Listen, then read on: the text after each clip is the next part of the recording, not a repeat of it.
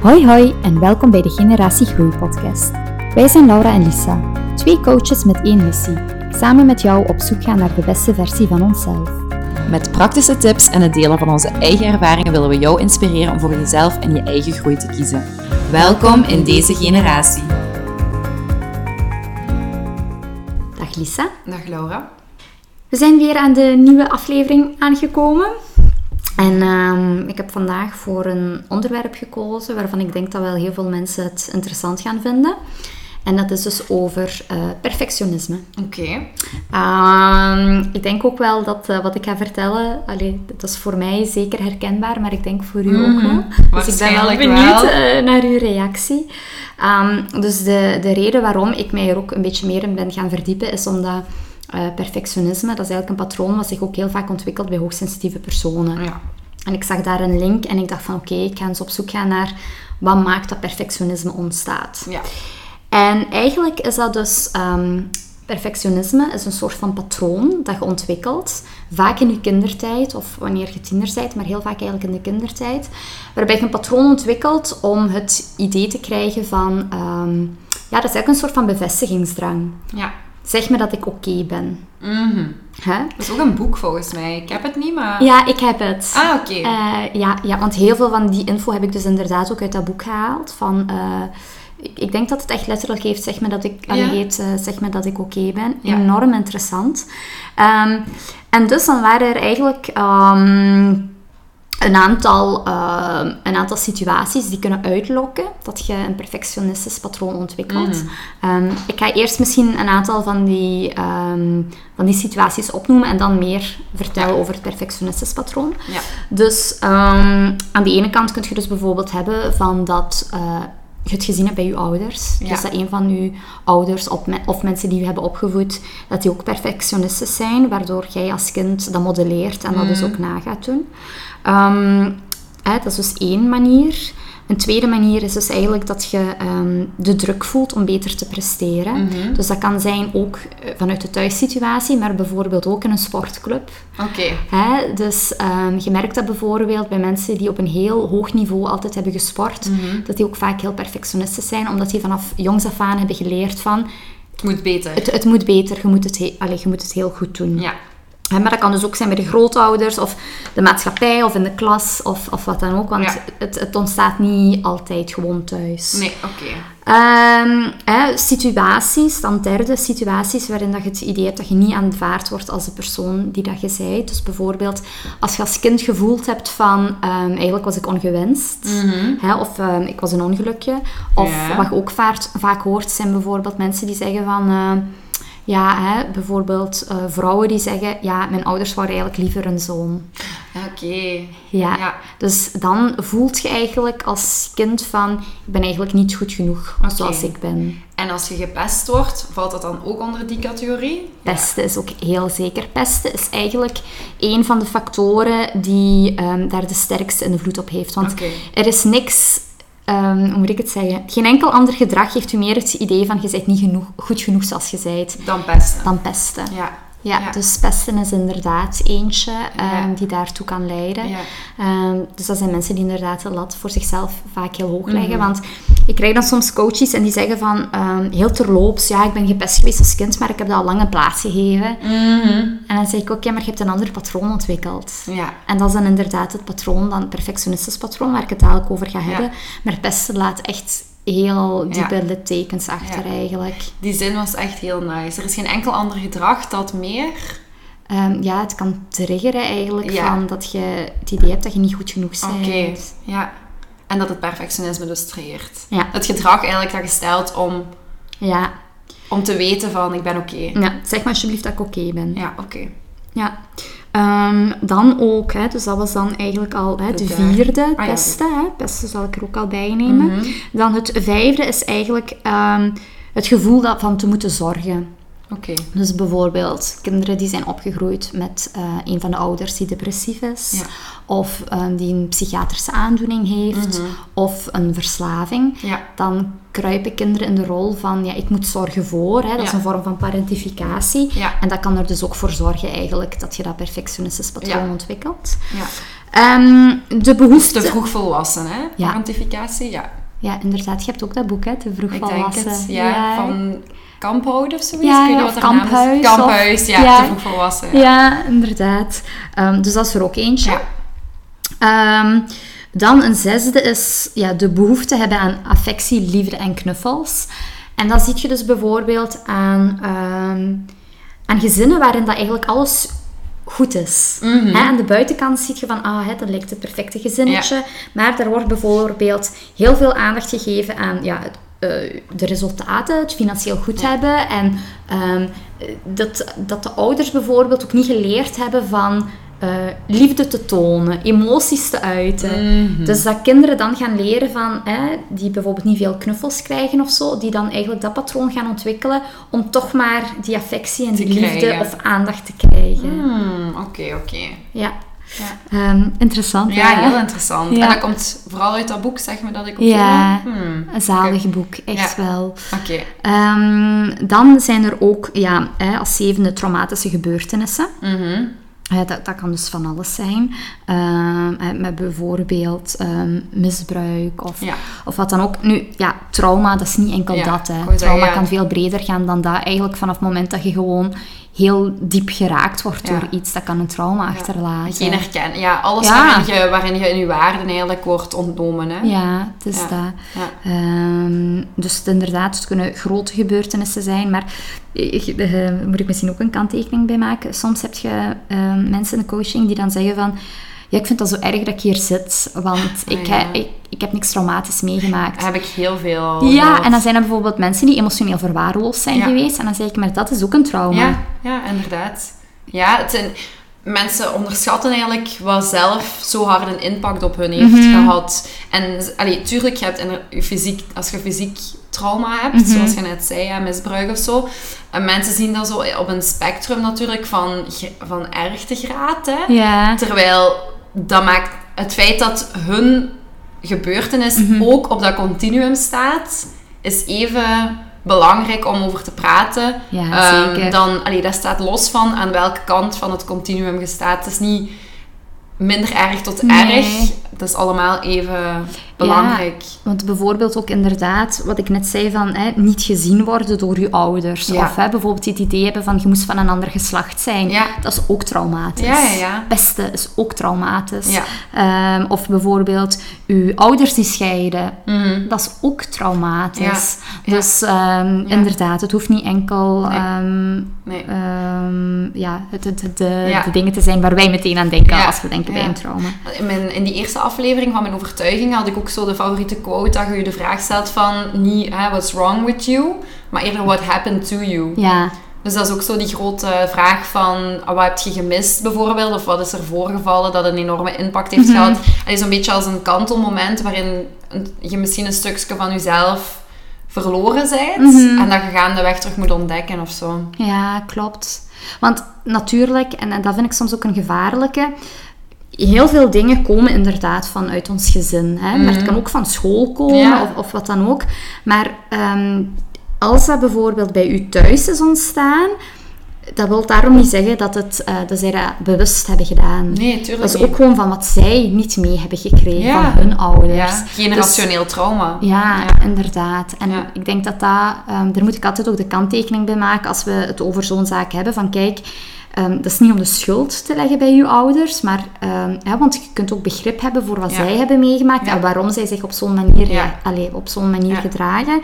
Maar het is wel heel belangrijk voor mensen om te weten van, ah, waar komt dat bij mij eigenlijk vandaan? Want als mensen gaan beseffen van, ah ja, dat is een patroon dat ik ontwikkeld heb, dat is niet mijn persoonlijkheid, dan kun je het ook doorbreken. Dan kun je het doorbreken en dan kun je het ook terug ontleren. Ja, ja. want allee, jij zegt eigenlijk, jij doorbreekt die cirkel voor jezelf, maar ook voor de eventuele mensen die volgen. Ja, ja, zeker. Want anders modelleert jij hetzelfde gedrag als dat je zelf ook hebt gezien bij je ouders. Ik vind dat wel een interessante, ehm, dat je dan ook je ouders daarin niet veroordeelt. Dat je mm -hmm. dat zo zegt. Ja. Uh, dat is een beetje ook wat we vorige aflevering hebben besproken, of al twee afleveringen geleden, van...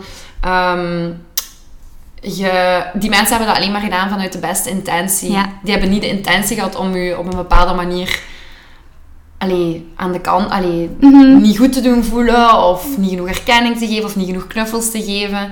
Ehm, en dat besef, zodat het niet samengaat met ik leer mezelf kennen en ik neem afstand van de mensen die mij wat fucked up hebben gemaakt, like mensen soms zeggen, want dat is het helemaal niet. Nee, klopt. En het is inderdaad ook, ehm, ik, ik weet niet of je het boek kent, De Fontein van Elstein. Ja.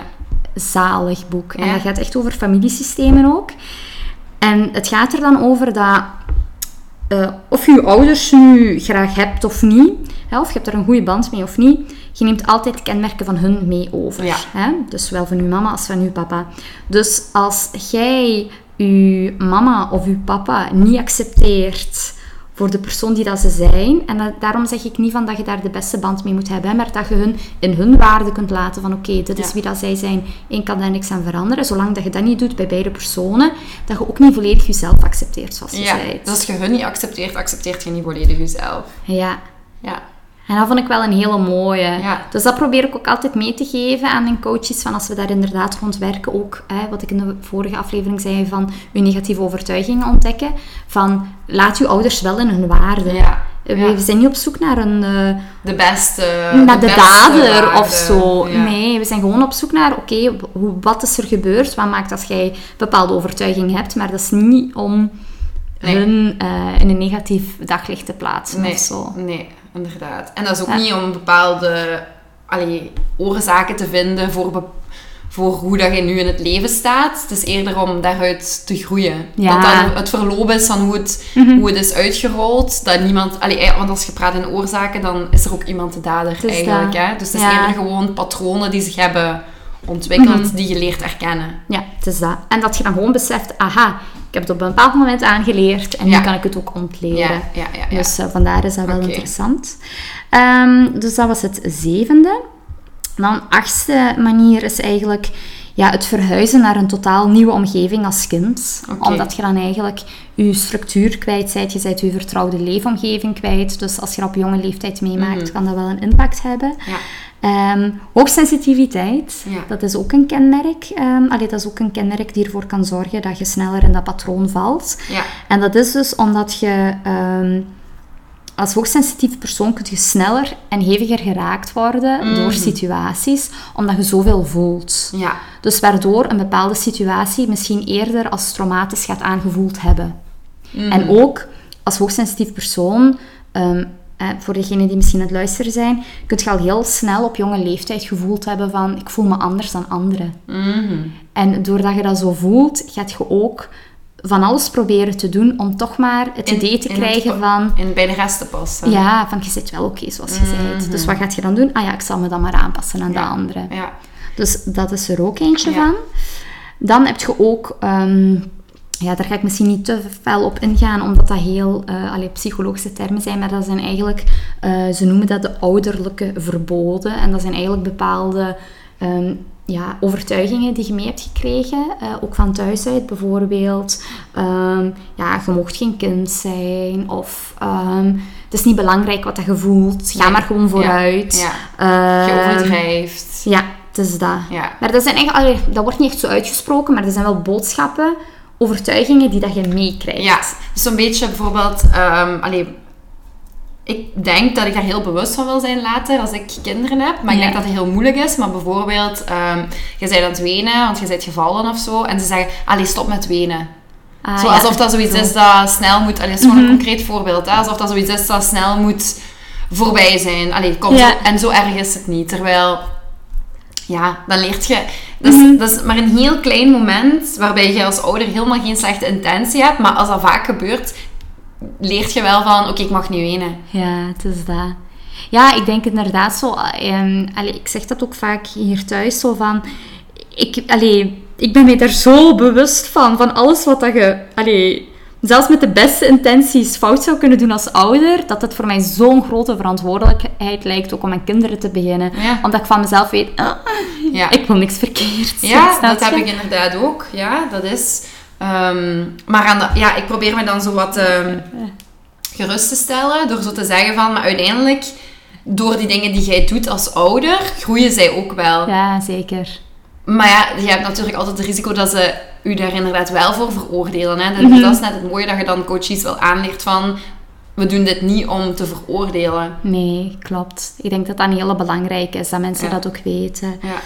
Um, want uh, nog zoiets van wat je zegt van iets onschuldig zijn. Ik heb dat ooit eens gehoord, zo van um, wat we bijvoorbeeld doen bij kindjes, hè, zo met vliegtuigen. Hapje voor mama, hapje voor tante. Hè, zo. Hè, dat is iets wat ik zelf als tante ook heel vaak gedaan heb. Maar daarbij geeft je eigenlijk de boodschap aan je kind. Het lijkt heel stom, hè? Je eet voor iemand anders ja. eigenlijk. Ja. Toen ik dat hoorde, dacht ik, oh wauw. Zo had ik er nog nooit over nagedacht. Want je doet dat echt met de beste intenties. Hè. Je wilt gewoon dat je kindje eet. Mm. En dat dat dan het idee geeft van, ja, je moet dat doen voor die. Of bijvoorbeeld um, een kindje forceren van, allee, kom, geef eens een kus. Terwijl dat kindje ja. helemaal geen kus wil geven. Ja, ja, ja. Dat zo. Dat zijn zo van die kleine dingen wat wij wat heel veel ouders mm. doen, omdat we dat mm. allemaal ook hebben. Snap Maar zelfs, um, stel je bent in de winkel en je komt mhm. iemand tegen en je kind is heel verlegen en die kruipt achter je benen in. En die andere persoon zegt, oh, ze is verlegen. Ja. En dan, allee, mhm. dat is heel snel gezegd, maar zo'n opstapeling van dingen worden dan deel van je identiteit. En dan zijt je opeens een verlegen persoon. Ja. Terwijl je gewoon in momentopnames bijvoorbeeld verlegen gedrag hebt getoond. Klopt. Maar ja, ik, ik kan me er zelf ook in verliezen. Dus ik, ik probeer dan echt zo mezelf te zeggen van ja... Het eigenlijk... Um, ik heb die quote denk ik nogal eens gezegd... Um, veel mensen twijfelen ook zo van ben ik een goede mama, ben ik mhm. een goede papa. Je zijt eigenlijk een, um, als je dat afvraagt, of je een goede mama of papa zijt, zijt je eigenlijk de beste. Ja, want dat had ik ook. Uh, ik, ik heb dat ook bij een coachie die mama is. Um, en, het, en het ging erover inderdaad, van dat zij ook aanhaalde van... Eh, oei, ben, ben, ik wel, um, ben ik wel goed bezig? Mm -hmm. En dan zei ik ook van, ja, maar het, het, het feit dat je eigenlijk... Uh, dat je kindje wel voelt van dat ze bij u terecht kan, mm -hmm. kan dat is een teken dat je goed bezig bent. Want je kunt het inderdaad als ouder niet perfect doen. Nee. Dat gaat sowieso en altijd niet. weten, nee. Ja, maar het feit dat jij als, als mama ruimte creëert om je kindje te laten zeggen wat, wat, eh, wat hem of haar dwars zit, dan denk ik van oké, wauw, mm. dat is wel een veilige omgeving. Ja, want als je als ouder ook altijd verbergt faalervaringen verbergen ja. voor je kinderen, denkt je kind letterlijk dat die er niet zijn. Hè? Ja, klopt. Dat is een beetje zoals allee, dat je bijvoorbeeld als coach ook op Instagram of, of tegen je coaches zegt van kijk, dit heb ik ook meegemaakt. Hè? Ja, klopt. Of, dat, of dat je zegt van ja, dit herken ik of ik spreek uit ervaring. En dan voelt het opeens veel veiliger om jezelf te zijn. Maar zo is dat eigenlijk ook. Allee, je wilt je ouders ook bijvoorbeeld eens een ruzie maken of om te weten dat is normaal. Mhm. Of je wilt um, die ook eens zien wenen als er iets, iets ergs gebeurt om te weten van ah ja, maar het is oké om je gevoelens te tonen. Ja. Ehm, en ook zeker inderdaad als ouder kunnen zeggen van ah oei, ik wist niet dat zo overkwam, sorry. Ja.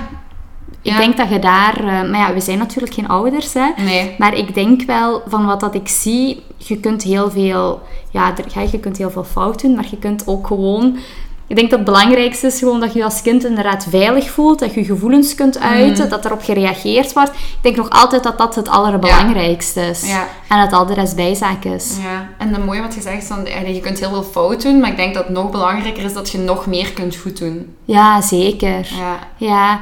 maar dat is omdat, um, zoals ik zelf zei, van, ik, ik denk dan... Oh, hè, ik, ben ik al klaar om mama te zijn? Ook omdat ik inderdaad dan daarop focus van, ah, hè, je, kunt, je kunt zoveel fouten, maar het is inderdaad, ik, ik denk dat je wel ook als, als mama zou voelen van wat dat je kind nodig, heeft. Dat denk ik ook. Eh, snap je? Ja, ik vind het wel interessant als er um, luisteraars zijn die kinderen hebben. Ja. Allee, stuur gerust een berichtje om... Allee, als, eigen ervaring. Ja, eigen ervaring als je dit herkent. En dan kunnen we dat ook anoniem delen. Hè. Ja. moeilijke momenten, zo van ja, ik zit daar ook mee. Um, en, en, en of dan wat wij zeggen daarin herkenbaar is. Zeker omdat we dan ook niet in die rol zitten. Ja, dat Want is wij spreken nu een beetje vanuit onze angsten daarvoor. Ja, ja want het is inderdaad zo. Ik, ik merk het wel bij veel coaches die inderdaad mama zijn en die alle perfectionisten zijn naar zichzelf, dat die zichzelf ook echt heel vaak in twijfel trekken als mama. Mhm, mhm, ja. Terwijl als ik een hoor, dat ik denk van, Amai, je lijkt me een fantastische mama. Ja, en ik denk zelfs met, met, uh, met papa's dat dat ook het geval is. Hè? Ja, ja ik heb zelf ook veel vrouwelijke coaches. Um, maar ja, ik denk dat dat iets is van, van allemaal. Ja, dat. Iedereen dat, dat iedereen dat heeft, die twijfels. Zeker. Maar ik denk inderdaad wel, want ik begeleid sinds kort ook wel redelijk veel mannen. Ja. Maar ik denk dat zo, um, dat je van een vrouw nog altijd meer de moederrol en de zorgende rol verwacht. Mm. Mm. Als je snapt wat ik bedoel. Ja, dus als je misschien een, als je conflict bent met jezelf voor de zorgende rol, dat ook is vaak omdat dat van u verwacht wordt. Ja, dus mm. ik denk dat misschien daarom vrouwen zich misschien nog sneller in twijfel gaan trekken van, mm. doe ik het wel goed als mama? Dat, is, dat ze daar meer bewust van... Ja, ook daar verantwoordelijk voor voelen. Mm. Ja. Ja. ja. Um, en dan als um, elfde is er ook nog de invloed van narcisme. Dus als een van de ouders, of ja, niet enkel de ouders, ook iemand in de familie um, of zo, die dat je kent, uh, die dan narcistische trekken heeft vertoond. En okay. dat jij hebt ervaren als kind. Omdat, ja, dat, is, dat, voelt heel onveilig en je weet niet goed wat je daarbij moet, uh, mm -hmm. bij moet verwachten. Dus dat vond ik ook wel een heel interessante. Um, en wat um, misschien voor iedereen die luistert, welke kenmerken van een narcist hebben daar dan zo'n invloed op? Ja, het onvoorspelbare. Mm. En het, het, trekken en duwen zo? Ja, het, het trekken en duwen en terugtrekken. En het ja, manipulatieve. Mm -hmm. Dus heel veel voor eigen, eigen belang en niet Ja. voor het belang van het kind. Ja. Dus, um, en als je dat dus op jonge leeftijd hebt meegemaakt, dan kan dat wel een, een grote invloed hebben Ja. ook. En dan kun je inderdaad dat patroon gaan ontwikkelen Mm. waar ik het over heb. Mhm. Dus um, Misschien moeten we ze nog eens kort overlopen. Yes, Alle- zeker. Ik zal ze eventjes ehm, overlopen, zoals ik ze ook gezegd had, want Ja. hier zijn ze wat anders. Dus hè, het eerste is dat je het eigenlijk gezien hebt bij je ouders, dus dat je het nabootst. Ehm tweede is de druk die dat je voelt om beter te presteren. Ja. Dus dat kan thuis, maar dat kan ook zeker op school of in de, in de, in de sportschool. Ehm, niet aanvaard worden voor de persoon die dat je bent. Dus dat is de derde. Dat is eigenlijk bijvoorbeeld wanneer je ongewenst bent Ja. of wanneer eh je ouders andere verwachtingen hadden. Ja. Ehm, vierde is het gevoel van te moeten zorgen. Hè, bijvoorbeeld parentificatie, Ja. wanneer jij als kind gaat zorgen voor de ouders. Als vijfde heb ik dan pesten gezegd, Ja. volgens mij. Het zesde is dan ehm, behoefte aan affectie, liefde, knuffels, aandacht. Ja. Ehm, het zevende zijn dan traumatische gebeurtenissen. Eh achtste punt, of de achtste reden, kan zijn het verhuizen naar een totaal Ja. nieuwe omgeving als kind. Ja. Ehm, dan hoogsensitiviteit, dat is er dus ook een. Het is dus ook Mhm. daarom de reden dat ik eh, wat meer mee ben gaan verdiepen in perfectionisme. Ehm, dan de tiende zijn de ja, ouderlijke verboden. Hè, dus Mhm. wat je hebt meegekregen van hè, je, eh, je gevoelens zijn niet belangrijk. Of, ja. En Stop dan- met wenen. Ja, ja, inderdaad. En dan als elfde de invloed van narcisme. ja. oké. Dus dat zijn er eigenlijk eh, Super elf. interessant. Ja, hè? Mhm. Ehm, want ik, ik dacht inderdaad van... ik dacht altijd van, ja, hoogsensitiviteit, hè, je voelt je anders. Dus vandaar dat hoogsensitieve personen dat perfectionistisch patroon ontwikkelden. Maar dan bleef het bij mij ook zo vaag van, ja, maar hoe komt dat dan bij andere personen? Want Mm, zoveel mensen zijn perfectionistisch. Ja. Want ja, bijvoorbeeld mensen die in een burn-out vallen, Ook perfectionistisch. die hebben ook Ja, ik ben ook aan het denken, patroon. want inderdaad, ik ben ook wel perfectionistisch, maar ik had wel gezegd, ik ben wel nonchalant, denk ik. Aha, Eh, maar ik heb wel graag dat alles oké is, zodat, ja, zoals ik zei in de vorige aflevering, dat mensen ook zeggen van, ah ja, het is oké. Mhm. Of, of zo die erkenning. Ik ben heel gevoelig voor erkenning, denk ik. ja. Dus zo, allee, ik, people pleasing en perfectionisme hangt dan ook wel samen in dat verhaal. Hè? Dus je, je pleest eigenlijk op een manier om perfectionisme na te streven, zodat je eigenlijk die erkenning krijgt. Ja. Dus eigenlijk, ehm, hè, in, het, in het boek waar dat ik de meeste van deze info heb uitgehaald, gaat het er dus over dat je een patroon ontwikkelt. En dan Mhm. noemt het het, eh, het brave eh, of het verstandige kind. Oké. Ja, en dan gaat er dus eigenlijk over van dat je inderdaad perfectionistisch zit ingesteld. Nu, perfectionisme, dat uit zich op twee manieren. Dus ofwel um, gaat je echt tot in de details en is het voor u nooit genoeg. Uh, ofwel heb je heel veel last van uitstelgedrag mm door faalangst. Ja, ja, ja, ja. Omdat je eigenlijk wilt je stelt uit waar je heel veel schrik voor hebt. Ja, omdat je hebt dan zoiets van, als ik, eh, onbewust dan, hè, als ik te laat zou beginnen en ik zou dan falen, dan komt het omdat ik te laat begonnen ben. Mhm. en niet omdat ik niet goed ben of ja. zo. Ja, ja, um, en dus dat patroon, hè, je hebt dus dat, dat perfectionisme inderdaad, maar dat is ook je continu willen aanpassen aan andere personen. Ah ja, want je wilt de hele tijd de bevestiging krijgen van zeg me dat ik oké ben, dus wat doe je? Je past u aan. Ja. Wat maakt dus dat je aan people pleasing doet. Ja. Hè? Dus de hele tijd maar zorgen dat het voor de mensen om je heen goed is en dat je aanvaard wordt en dat je nog bij de groep mocht horen. Ja, ja, ja.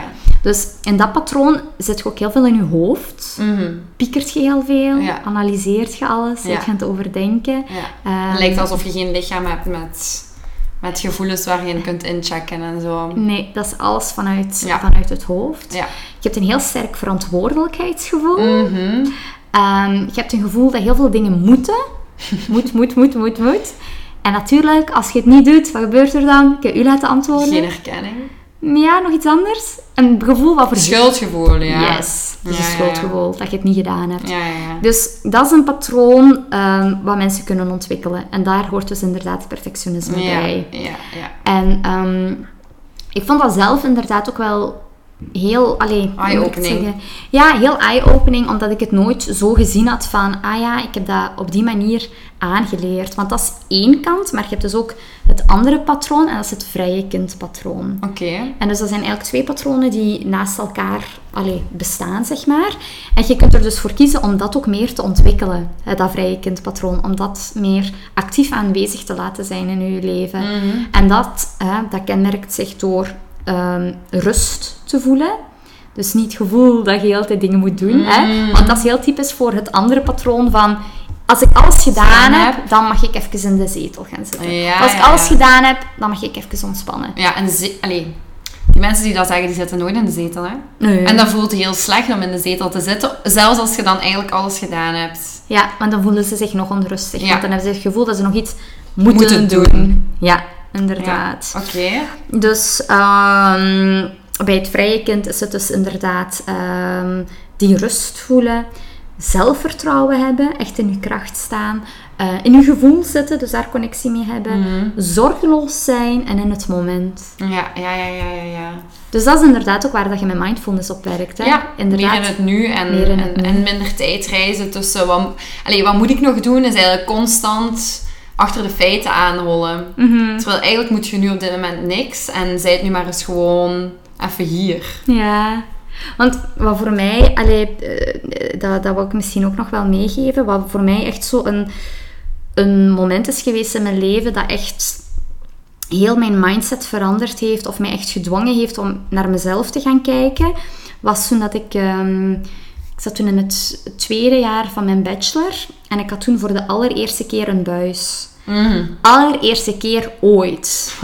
Dus ik was echt iemand, ik legde de lat heel hoog. Dus Ja. als ik bijvoorbeeld niet de 90 had, dan, Was dat voor u een faal? dan was dat echt voor mij een faalervaring. Dan Ja. was dat voor mij van, Ja. wat? Dus ik legde de lat heel hoog. Dus ook tijdens mijn studies. Ik had heel veel, ja, 19, 18, 17. En allee, ik zat op UNIF, ik studeerde dan heel veel. Dus het was eigenlijk ook niet mogelijk om zo hoge punten te halen. Dus ik, ik was mezelf echt aan het pushen. En ik dacht, ja, ik was op, eh, op middelbaar was ik altijd heel goed geweest in wiskunde. Dus statistiek, dat eerste jaar, ja, ik heb die mijn boek niet bekeken, dat ging vanzelf. Maar het tweede jaar was eigenlijk iets helemaal anders. Maar ik dacht van, komt, Maakt niet uit, komt wel in orde. Vorig jaar lukte het ook, lukt wel. Mhm. Nee, ik had dus een buis. En echt een 9. Eh allee, dat was niet echt statistiek. Dat was meer experimentele eh, psychologie. Oké. Ja, maar alleszins. Dat was echt voor mij de hel, hè. Ja. Ik, ik voelde mij zo'n nietsnut. Ik dacht echt van, allee, Ja. Hoe kan dat? Allee, ik voelde mij, want ik had zo, ik heb inderdaad als kind altijd, ik was super onzeker. Maar bij, allee, mijn papa gaf er altijd heel veel mee van, ehm, je moet goed studeren, je moet goed Ja, studeren. ja. Hè? Je moet het goed doen op school en dat is het belangrijkste. Zie dat je goed studeert en een goede job hebt. Dus mijn papa legde die druk wel hoog. Ik Ja. ben ook dan de enige die ehm Univ is gaan doen in de familie. Dus mijn, uh, mijn broer heeft wel uh, ook hogeschool gedaan. Maar voor de rest, ik was de enige in de familie die naar UNIF dus ging. Dus de druk lag heel... Uh, de druk was zwaar. Ja. lag hoog. Plus, dat was echt mijn identiteit geworden. Ik was super onzeker. Maar wat ik wel wist, was dat ik geen loempe was. Ja, dat je, ik was super onzeker, maar ik had wel goede punten. Ja, dus dat was zo mijn enige dingetje waar ik zo'n beetje... Snap vast dat. Ja, want dan in de klas dan was het vaak van... Eh, um, hoe moet je dat zeggen? Je had bijvoorbeeld in, in het vierde leerjaar, dan kreeg je zo van die Pokémon-kaartjes. Als je een goede toets had, of als je bijvoorbeeld braaf waard geweest, hè, weer heel typisch. En ja, sommige kinderen hadden aan het einde van het jaar 5 tot 10 ik had er 55. Mm. Dus dan heb ik een zak snoep gewonnen. Maar dat was zo typerend voor mij. Mm. Snap je? Ik wou altijd de hoogste punten hebben. Ik wou, dat was bij mij mijn erkenning. Ja. Dus toen ik dan op ja, 19... Dus je deed daar dan ook alles voor? Ik deed daar alles voor. Want voor mij, dat was bij mij mijn houvast. Zo, weet je? Dat was bij mijn bevestiging dat ik oké was. Als ik goede punten haalde. Als ik het goed deed op school. Oh, ik ging naar UNIF. Ja, en dus toen dat, dat wegviel, was je niet oké. Ja, dus toen ik opeens die buis haalde en ik normaal altijd zo'n goede punt had, was het bij mij ben niks waard. Ja. Dus dat was voor mij eigenlijk de eerste keer dat ik met iemand ben gaan spreken. Oké. Ja. Dus eigenlijk een heel goede ervaring. Ja, super. Oh, dat was Crisismomenten een... nodigen dan uit voor heel mooie dingen eigenlijk. Ik zeg het, hè. Um, die, die buis was echt een van de beste dingen die meisjes kunnen overkomen. Want ik ben dan inderdaad zelf ook naar een psycholoog gegaan, omdat ik merkte, oh, het is echt te veel. En ik was zo onzeker. En dat had mij natuurlijk nog meer onzeker gemaakt. Ja. En ik heb er zoveel uit gehaald ook. En dat was ook voor mij de stap om dat zo... Ja, ik volgde zelf psychologie. En dus mijn mama zei, ja, misschien moet je eens met een psycholoog gaan praten. En dan dacht ik van, alleen nu, ik ben psychologie aan het doen. Ik kan toch niet zelf met een psycholoog gaan praten? Wat is dat nu voor iets? Ja. Hè, je bent 19, mhm. op dat moment nog heel onwetend. En dan heb ik dat dus inderdaad gedaan. En voor mij, dat was zo zalig. En dat was ook echt zo van, ah ja, ik heb er super veel uit geleerd. Mhm. Dat heeft mij zo hard veranderd. Dus nu vind ik het ook voor mezelf altijd belangrijk om mij te blijven coach, laten coachen. Ik vind dat heel belangrijk. Maar dat ene examen heeft echt mijn hele leven, veranderd. Zo toch eigenlijk, hè? Ja. Ja, ik moet zeggen, ik had ook heel veel um, faalangst op, uh, op UNIF. Echt ook heel erg. Ik had heel veel paniekaanvallen. Oké. Ook. Ehm, en ja, ook vooral omdat ik die lat zo hoog legde. Ja. Um, allee, mama zei ook gewoon van, zorg dan dat je het gewoon gelezen hebt of zo, als je het niet mhm. gedaan krijgt. Maar zelfs dat ging niet voor mij. En dat is letterlijk, alleen voor de mensen die nog studeren, dat is, of die hebben gestudeerd, dat is eigenlijk zo paniek voor de paniek die er is. Ja. Dus dat is eigenlijk al dubbel. Anticiperend. Ja. ja. Dus omdat die eerste examenperiode zo heftig was, omdat dat mhm. zo anders was voor mij, want ik heb altijd heel hard moeten leren om dan gewoon middelmaat te zijn, wat helemaal oké is. Hè. Ja. Um, want dan was ik daar ook content mee, hè, uiteindelijk. Want ik had het veel erger verwacht. En ik had mhm. wel herexamens, maar de, de grote faalervaring, die ik al helemaal aan het voorspellen was, achter mijn boeken, die bleef wel wat uit. Um, en uiteindelijk heb ik mijn vijf jaar ook kunnen afmaken, wel met de nodige paniekaanvallen en, en slecht zorgen voor mezelf. Um, Maar uiteindelijk was dat wel omdat ik heel erg... Je wou zo niet de persoon zijn die weg moest uit Leuven. Dat wou ik niet. Mhm. Want dat... En ik zie dat eigenlijk bij andere personen niet per se als een faalervaring. Want heel veel mensen die dat doen, die vinden bijvoorbeeld wel uiteindelijk wat ze graag doen. En die zijn meer gemaakt om dat te doen. Of die andere studie te doen. Mhm. Dus ik vind eigenlijk stoppen met een richting helemaal niet typerend voor een faalervaring. Want je vindt net, of gaandeweg ontdekt je wel wat het wel, wel wordt en wel bij je past. En dan moest het gewoon zo zijn. Ehm, maar ik zag dat wel voor mijzelf zo. Ja, snap ik. Maar voor anderen niet. Mhm. Maar voor mij was het echt zo van, nee, als ik terug naar huis moet...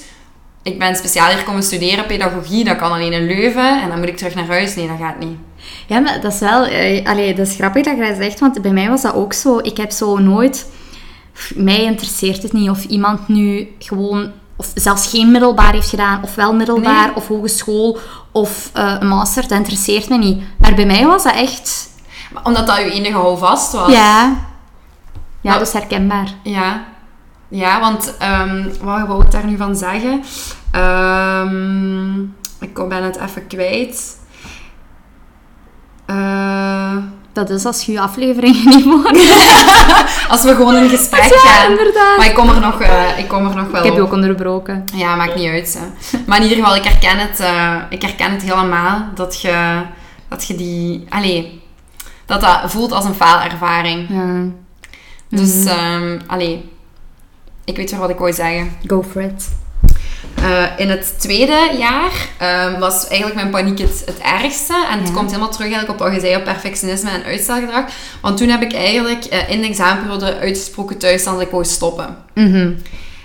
En als ik daar achteraf over nadenk, wou ik dus stoppen om een mogelijke faalervaring tegen te gaan. Ja. Ondanks dat het stoppen in, op dat moment in mijn hoofd ook de faalervaring was. Maar ik wou liever dat ik de keuze had gemaakt om te stoppen, dan dat de KU Leuven moet zeggen dat ik moet stoppen omdat ik op alles gebuist was. Ja, snap ik volledig. Dus dat is eigenlijk, je, wilt, je, je gaat eigenlijk gedrag stellen uit angst, mhm. die de grote faalervaring gaat voor zijn. Ja. Mhm. Maar je gaat het zelfs niet proberen. Dus mijn, alleen, letterlijk thuis, mama en papa was zo van, ja, maar je gaat het zelfs niet proberen dan. Probeer het gewoon. Ja, maar dat verlamt je dan helemaal. Hè? Ja, ja, echt helemaal. Dus gelijk, allee, ik heb dat ook in, uh, in de online cursus die ik had gemaakt um, gezegd. Uh, dat, is een, dat is een berg. En je ziet, aan het einde zie je de eindsprint wel. Dus mm alle examens zijn voorbij. Maar je, moet, je ziet nog die hele berg voor je. En je staat aan het begin van die examenperiode voor die berg. Ja. En je kijkt en je denkt, dat lukt mij nooit. Nee, en je loopt eigenlijk liever achteruit dan dat je nog maar wilt proberen om die berg te beklimmen. Ja, ja, ja, dat is ook zo. Dus... Ja, gek hè, hoe dat ons onbewuste dan werkt op zo'n momenten. Ja, om je te beschermen eigenlijk voor de worst case scenario eigenlijk. En ook vooral te, voor het gevoel dat het falen nu kan opleveren. Ja, en inderdaad, dan, dan het, dat bevestigt inderdaad waar jij zoveel schrik van hebt, dat je niet goed genoeg bent. Ja, ja inderdaad. En, dan, en dan, als je dat aan mensen moet uitleggen, want je bent dan helemaal vooruit aan het denken, hè, waarom je gestopt zit, dan was het een bewuste keuze. Ah ja, tuurlijk. Ja, ja, ja. De KLU heeft niet gezegd dat ik moest stoppen. Ik heb, ja, het was te zwaar, ik heb het zelf gekozen. Dat klinkt makkelijker mhm. dan dat je het toch doet en dat je faalt. Ja, ja, en dat zij dan voor u zouden beslissen van... Ja, nu uiteindelijk mocht ik niet stoppen, dus ik heb dan wel doorgedaan. En echt, ja, zo letterlijk in een berg beklimmen, zo stap voor stap. Ja. Je, allee, uiteindelijk kiest jij voor één realiteit als je alleen maar nadenkt over falen. Mhm. Dan is het, het, de worst case scenario is dan in je hoofd al realiteit. Ja, terwijl, er, ja. terwijl er nog zoveel andere opties zijn. Ja, ja, ja, dat is ook zo. Dus ik herken me er even helemaal... Uh, maar dan zit je nu eigenlijk wel blij dat je ouders gezegd ja, hebben van je gaat wel doorzetten. Ja, mijn mama zegt dat ook tegen die, die vindt dat ook heel fijn om die erkenning te krijgen. Hè? Want al die dingen die ik nu doe, die had ik waarschijnlijk niet als zij daar toen niet hadden vol... Allee, ik heb natuurlijk volhard, maar zij hebben wel gezorgd dat ik heb volhard. Ja, ja, snap ik. Dus zij vinden het ook heel fijn om die erkenning erin te krijgen van ja, dat is toch goed hè, dat we ja. dat hebben gezegd. op dat moment haat ik dat heel hard mhm. hè.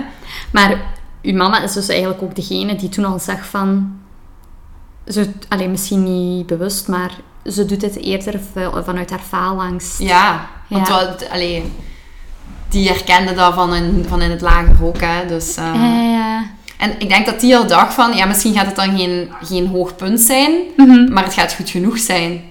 Ja, ja, ja, snap ik. Dus, en, en ook, um, voor hen maakte het ook niet uit. Want zij zijn alle twee zelfstandig. Uh, hebben geen hogere studies gedaan. Mm -hmm. allee, dat maakt, zorgde ook wel voor heel veel rust dat ik het niet moest doen ah, voor erkenning. Ja. Ik deed het voor mezelf wel. Ja, ja, ja, Maar toch dacht ik dat ik het niet ging kunnen. Ja, ja, ik snap het wel. Ja. Maar volgens mij is dat ook uh, allee, de reden waarom dat, dat waarom dat jij je ook aangetrokken voelt tot die doelgroep, hè, van ook studenten. En ja, ja. Je zit er zelf ook helemaal ja. Elke, allee, eigenlijk tijdens de examenperiodes heb ik heel veel ideeën. Het is me nog niet gelukt, omdat ik dan nog fulltime ook mhm. werk. Uh, maar dan heb ik heel veel ideeën voor studenten, omdat ik denk van, oh ja, wat een grotperiode gewoon. Ja, ja. Omdat je dan, dat is, dat is zo'n periode waarin je helemaal onderuit kunt gehaald worden, vind ik. Ja, Had jij het dan ook niet moeilijk bij de volgende examenperiode? Um, ah, wel, bij mij dat is misschien ook wel iets um, bijzonder. Ik leerde wel op zich heel graag. Dus ik mm. nam dus gewoon enkel mijn blok, ook uitstelgedrag uiteraard. Ik nam mm. enkel mijn blok om te studeren. En ik vond dat ook leuk. En ik zei ook, ik sluit mijn zes weken op. En bij mij was dat zo... Ik, was nooit, ik had nooit schrik voor de examens die gingen komen. Mm-hmm. Ik had gewoon altijd schrik de nacht voor het examen en dan die uren daarvoor. Dus wat ik ook heel vaak deed, was nachtjes door. Ah, want dat is niet goed genoeg. En ik ging toch niet kunnen slapen, want ik ging er toch over blijven piekeren. Dus ik kon beter maar nachtjes door doen. Ja. ja. Kapotmakerij. Ja, echt heel bijzonder. En het zotte was dan, dan deed ik een examen. En dan had ik echt het idee van, oh fuck, ik ben zo zwaar gebuist. Ja. En dan vroegen medestudenten dat ook van. En Laura, wat denk je? En ik zei van, oh shit, ik denk echt niet goed. En dan kreeg ik mijn punten terug. 17. Ja. En dan word je zo de... Op een moment word je de vervelende medestudenten. Oh, die zegt altijd als het niet goed heeft. Dan toch.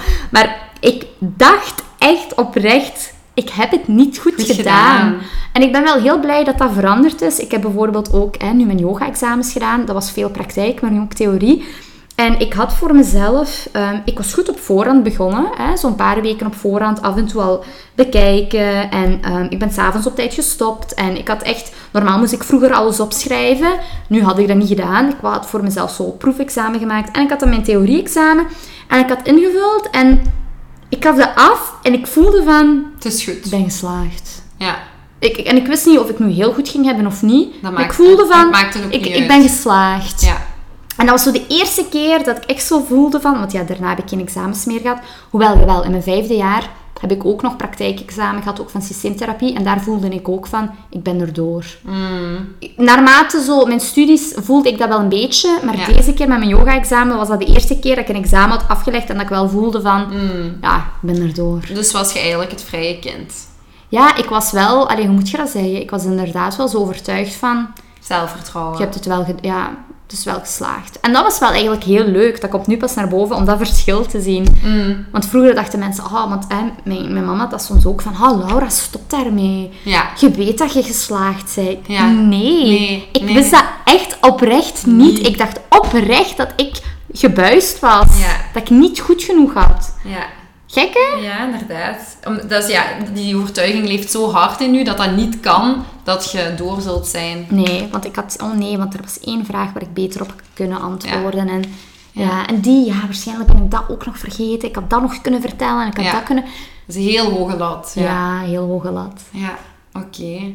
En wat, um, als jij tips hebt voor uh, coaches, wat zijn die dan meestal om om te gaan met perfectionisme? Wel, dat is eigenlijk echt om connectie te leren maken met dat vrije kind in u. Mm Dus om echt op zoek te gaan naar wat zijn bij mij de momenten dat mij uh, het gevoel geven van zorgeloos te zijn. Oh, dat is een mooie vraag. Ja, um, en vaak kun je dat te weten komen door ook terug te grijpen naar de dingen die dat je heel leuk vond om te doen als kind. Mm tussen 0 en 10 jaar, dat is ook vaak een oefening die dat ik meegeef. Um, en dus het is eigenlijk dat gevoel gaan stimuleren. Want wat ik bijvoorbeeld gemerkt heb... Uh, ik dacht eerst dat dat enkel bij hoogsensitieve personen was, maar ik denk ook heel vaak bij mensen die in dat patroon zitten, of ze nu hoogsensitief zijn of niet, van um, pas het gevoel hebben dat ze echt kunnen ontspannen als ze één, alleen zijn, mm dus alleen thuis, um, of als iemand waarvan ze houden, als ze zien dat die persoon ontspannen is. Oh ja. Of kan genieten. Ja. Ah, die persoon is oké, dan ben ik ben ook oké. Okay. Maar zelden vanuit intern, snap je? Mhm. Want vanaf het moment dat je bijvoorbeeld dan, hè, als je heel veel in dat perfectionistisch patroon zit, of brave kindpatroon, als je dan thuis bent, je, je merkt die verwachtingen van andere personen gewoon op. Ja. En je probeert je daar opnieuw aan aan te passen. Ja, inderdaad, inderdaad. Je bent constant eigenlijk de omgeving aan het scannen in wat jij wilt Allee, hoe, hoe kan ik me hier schikken naar de mensen om me heen? Ja. En, ah oké, die is oké, dan ben ik ook oké. Ja. Maar is dat, ja. Ja, dus daarom dat... Um, allee, sommige mensen vinden dat zo... Uh, taboe om te zeggen, maar ik merk dat ook wel zo bij vriendinnen van mij, die ook vaak zeggen van, ja, dan heb ik eens een avondje alleen thuis. En dan opeens zegt mijn vriend dat hij een uur vroeger naar huis komt. En dan denk ik, oh nee. Ja, nog niet. nog niet. Ik wil nog dat uurtje gewoon alleen zijn. En dat zijn ook vaak de vriendinnen um, die ook fel in dat, in dat patroon zitten. Ja. Ja. Oké, super interessant. Ja, vond je het interessant? Ja, heel interessant. Zeker de, de opleiding van de elf... Uh, vond ik heel interessant. Gewoon het feit dat het eigenlijk van zoveel kan komen. Mhm. En dat verklaart ook heel veel... Allee, dat verklaart waarom heel veel mensen dat patroon hebben. Ja, inderdaad. En natuurlijk... perfectionisme. En dat is ook het ding van bijvoorbeeld um, de verwachtingen eh, of de druk die dat gevoelt in de maatschappij. Mhm. Als ik bijvoorbeeld kijk naar wat mijn um, neefjes en uh, nichtjes hebben geleerd op school, in vergelijking met wat ik moest leren. En dan denk ik, wow, die lat ligt zo hoog. Mhm. Die moeten al zo snel zoveel leren. En dan, dan denk ik wel, ah ja, oké, zo die um, andere type scholen, zoals de Freinet school en zo. Ik ken daar nog niet voldoende van, maar dan denk ik wel, ik vind dat wel super interessant dat dat meer en meer begint op te komen. Ja, en dat, dat die, die geven meer onderwijs vanuit dat vrije kind dan. Ja, klopt, inderdaad. En je moet niet in alles heel goed zijn, maar je talenten gaan ontwikkelen. En dat vind ik dan wel interessant. Ja. Ik heb ook, ook eens een podcastaflevering geluisterd waarin ze het hadden over de Perfection Box. Ah, dus dat dat een soort doos is waarin je jezelf eigenlijk wringt. Want in die doos zit eigenlijk alles waarvan je denkt van, ah ja, zo moet het zijn. Zo moet ik zijn. Dus bij u is dat bijvoorbeeld, ja, moet weer. Dus bij u was dat dan van, Laura heeft goede punten. Alsof dat een deel wordt van uw identiteit. Klopt. En je moet dan in die doos passen. En als er dan iets is dat even maakt dat je niet in die doos past, dan ja, stort eigenlijk heel uw wereld even op dat moment in. En zo, bijvoorbeeld ook, ik moet een goede partner zijn. En als, uw mhm. als, als dan bijvoorbeeld de stemming van uw partner ehm, ja, niet goed is of zo, mhm. dan is dat uw fout. Ja, Want ik ben geen goede partner. Ja, ja, ja. Dus ja, allee, dat, is een, dat is een voorbeeld waar ik nu aan denk en wat ook aan bod kwam in die, in die aflevering. Uh, maar dat, je, dat dat eigenlijk uh, zo, zoals een meme-speler een beetje. Ja, ja, ja, ja gevolgd. ja, gevolgd. En je zit in je, in, je, in je doos, maar je zou die gewoon moeten kunnen door, allee, los, losbreken eigenlijk. Ja, en daarom dat bijvoorbeeld bij mij was dat examen, maar bijvoorbeeld daarom dat vaak burn-out zijn vaak ook een leermoment voor mensen. Mhm. Om te gaan, op, allee, te gaan zoeken naar, maar wat wil ik eigenlijk? Ja, ja of bijna doodservaringen en zo. Eigenlijk alles wat zo'n hele, hele heftige impact heeft op, of een scheiding of... Uh, allee, bedrog of zo, dat zijn zo heel intens... Alle, alle intense ervaringen, denk ik, zijn zo, heel, zijn zo echt katalysators voor uh, groei. groei. ja. Ja. Ja. ja, dat was, de, ehm, dat was de info die dat ik zeker uh, wou meegeven. Maar ja, de bedoeling is dus eigenlijk om de balans te vinden tussen die twee patronen. Mm Dus hè, uh, dat moet ik er misschien ook eh, bij zeggen. Veel mensen, als je dan vraagt wanneer voelt je je zorgeloos of vrij, dan zeggen ze van ja, op vakantie. Op vakantie, ja. En dat hebben heel veel mensen. en daarom dat heel veel mensen ook altijd zo naar uitkijken om op vakantie te gaan. Want dan kunnen ze even ah, niks moet. Hè? Heel veel mensen zeggen dan, oh, dan heb ik de tijd om een boek te lezen. Ja. En dan dan bij mij gaat er dan het, allee, het eh, gedachte naar boven en stel ik ook al de vraag. En is dat dan niet mogelijk? Ja, in de, ja want uiteindelijk lees je dan toch graag een boek. Dus dan moet er ook wel tijd voor kunnen gemaakt dus worden. en dan is het, ah ja, eigenlijk zou ik dat wel kunnen doen. Ja. En dan merk je dat mensen zo inzichten beginnen te krijgen. En dan is het voor mij inderdaad van, ja kijk, hè, dat, allee, dat gevoel van vrijheid, natuurlijk op vakantie. Je bent ver weg van je verantwoordelijkheden. Mm. Hè, je, je moet je was niet doen, je moet misschien zelfs niet koken. Dus hè, er zijn heel veel verplichtingen die daar die wegvallen. wegvallen. Maar het is ook wel de bedoeling om die momenten van ontspanning en vrijheid te vinden in je dagelijks leven. Ja, ja, ja. ja. Dus, ja, ehm, ja, een heel goede tip. Dus dat je eigenlijk bepaalde routines aanleert voor jezelf, om voor jezelf te zorgen. Ja, inderdaad. Allee, eigenlijk, um, in, in deze aflevering zit heel veel rond persoonlijke ontwikkeling. Ja, hè? Klopt. Perfectionisme, uitstelgedrag, zelfzorg, uh, innerlijk kind. Uh, ja, super uh, allesomvattende aflevering. Ja, zelfs, het gaat zelfs over kindjes. Ja, inderdaad. We zijn geen mama. En studeren. En, en studeren. Ja, ik was ook aan het denken van, oké, naar wie promoot je vooral deze podcast maar? Het kan eigenlijk wel voor iedereen voilà, nuttig zijn. Inderdaad, inderdaad. Super bedankt voor uh, de info die je hebt gedeeld. Je hebt nog, een, nog ja, één ding? nog één dingetje misschien, inderdaad. Wat ook gewoon heel hard kan helpen. Dat, dat ben ik al bijna vergeten. Dus omdat als je in dat uh, perfectionistisch uh, patroon zit... Hoe ironisch dat ik dat verkeerd zeg. Perfect. um, dan leef je dus heel erg van je hoofd. Dus de kunst is inderdaad om op zoek te gaan naar wat geeft u een goed gevoel. Mm hè? Wat geeft u dat vrij gevoel. Maar ook connectie te leren maken met wat je voelt. Ja. En bewust daar aandacht aan te gaan besteden. Ja. Vooral omdat mensen vaak zeggen goed of slecht, ja. boos of blij. Maar er is eigenlijk heel veel meer... Nuances. Nuances, ja. Ja, dus ook dat is een, is een belangrijk. En dat kan gewoon door bijvoorbeeld op te schrijven, ah, hoe voel ik mij vandaag? Ja, een batterij te tekenen of zo. Ja, En die vol of leeg is. Ja, bijvoorbeeld. Ja. Of inderdaad op zoek gaan naar van, hoe kan ik dit gevoel beschrijven? Wat werkt er mm. voor mij? Ja, ik heb ook al gehoord dat mensen het heel, um, dat die het veel leuker vinden om een kleur te benoemen ah, ja. dan een, een, een, emotie of een, of een gevoel te benoemen. Ja. Um, want ja, dus er zijn zoveel gevoelens, maar je komt er niet altijd op hoe, wat exact je gevoel is. Dus bijvoorbeeld een kleur. Uh, of een lied. Ja, dus alles wat je kan helpen om het te beschrijven is nuttig eigenlijk. Ja, want dat geef ik soms ook mee aan mensen als tip die weinig connectie kunnen maken met hun gevoel van, um, van welke muziek bijvoorbeeld word je emotioneel.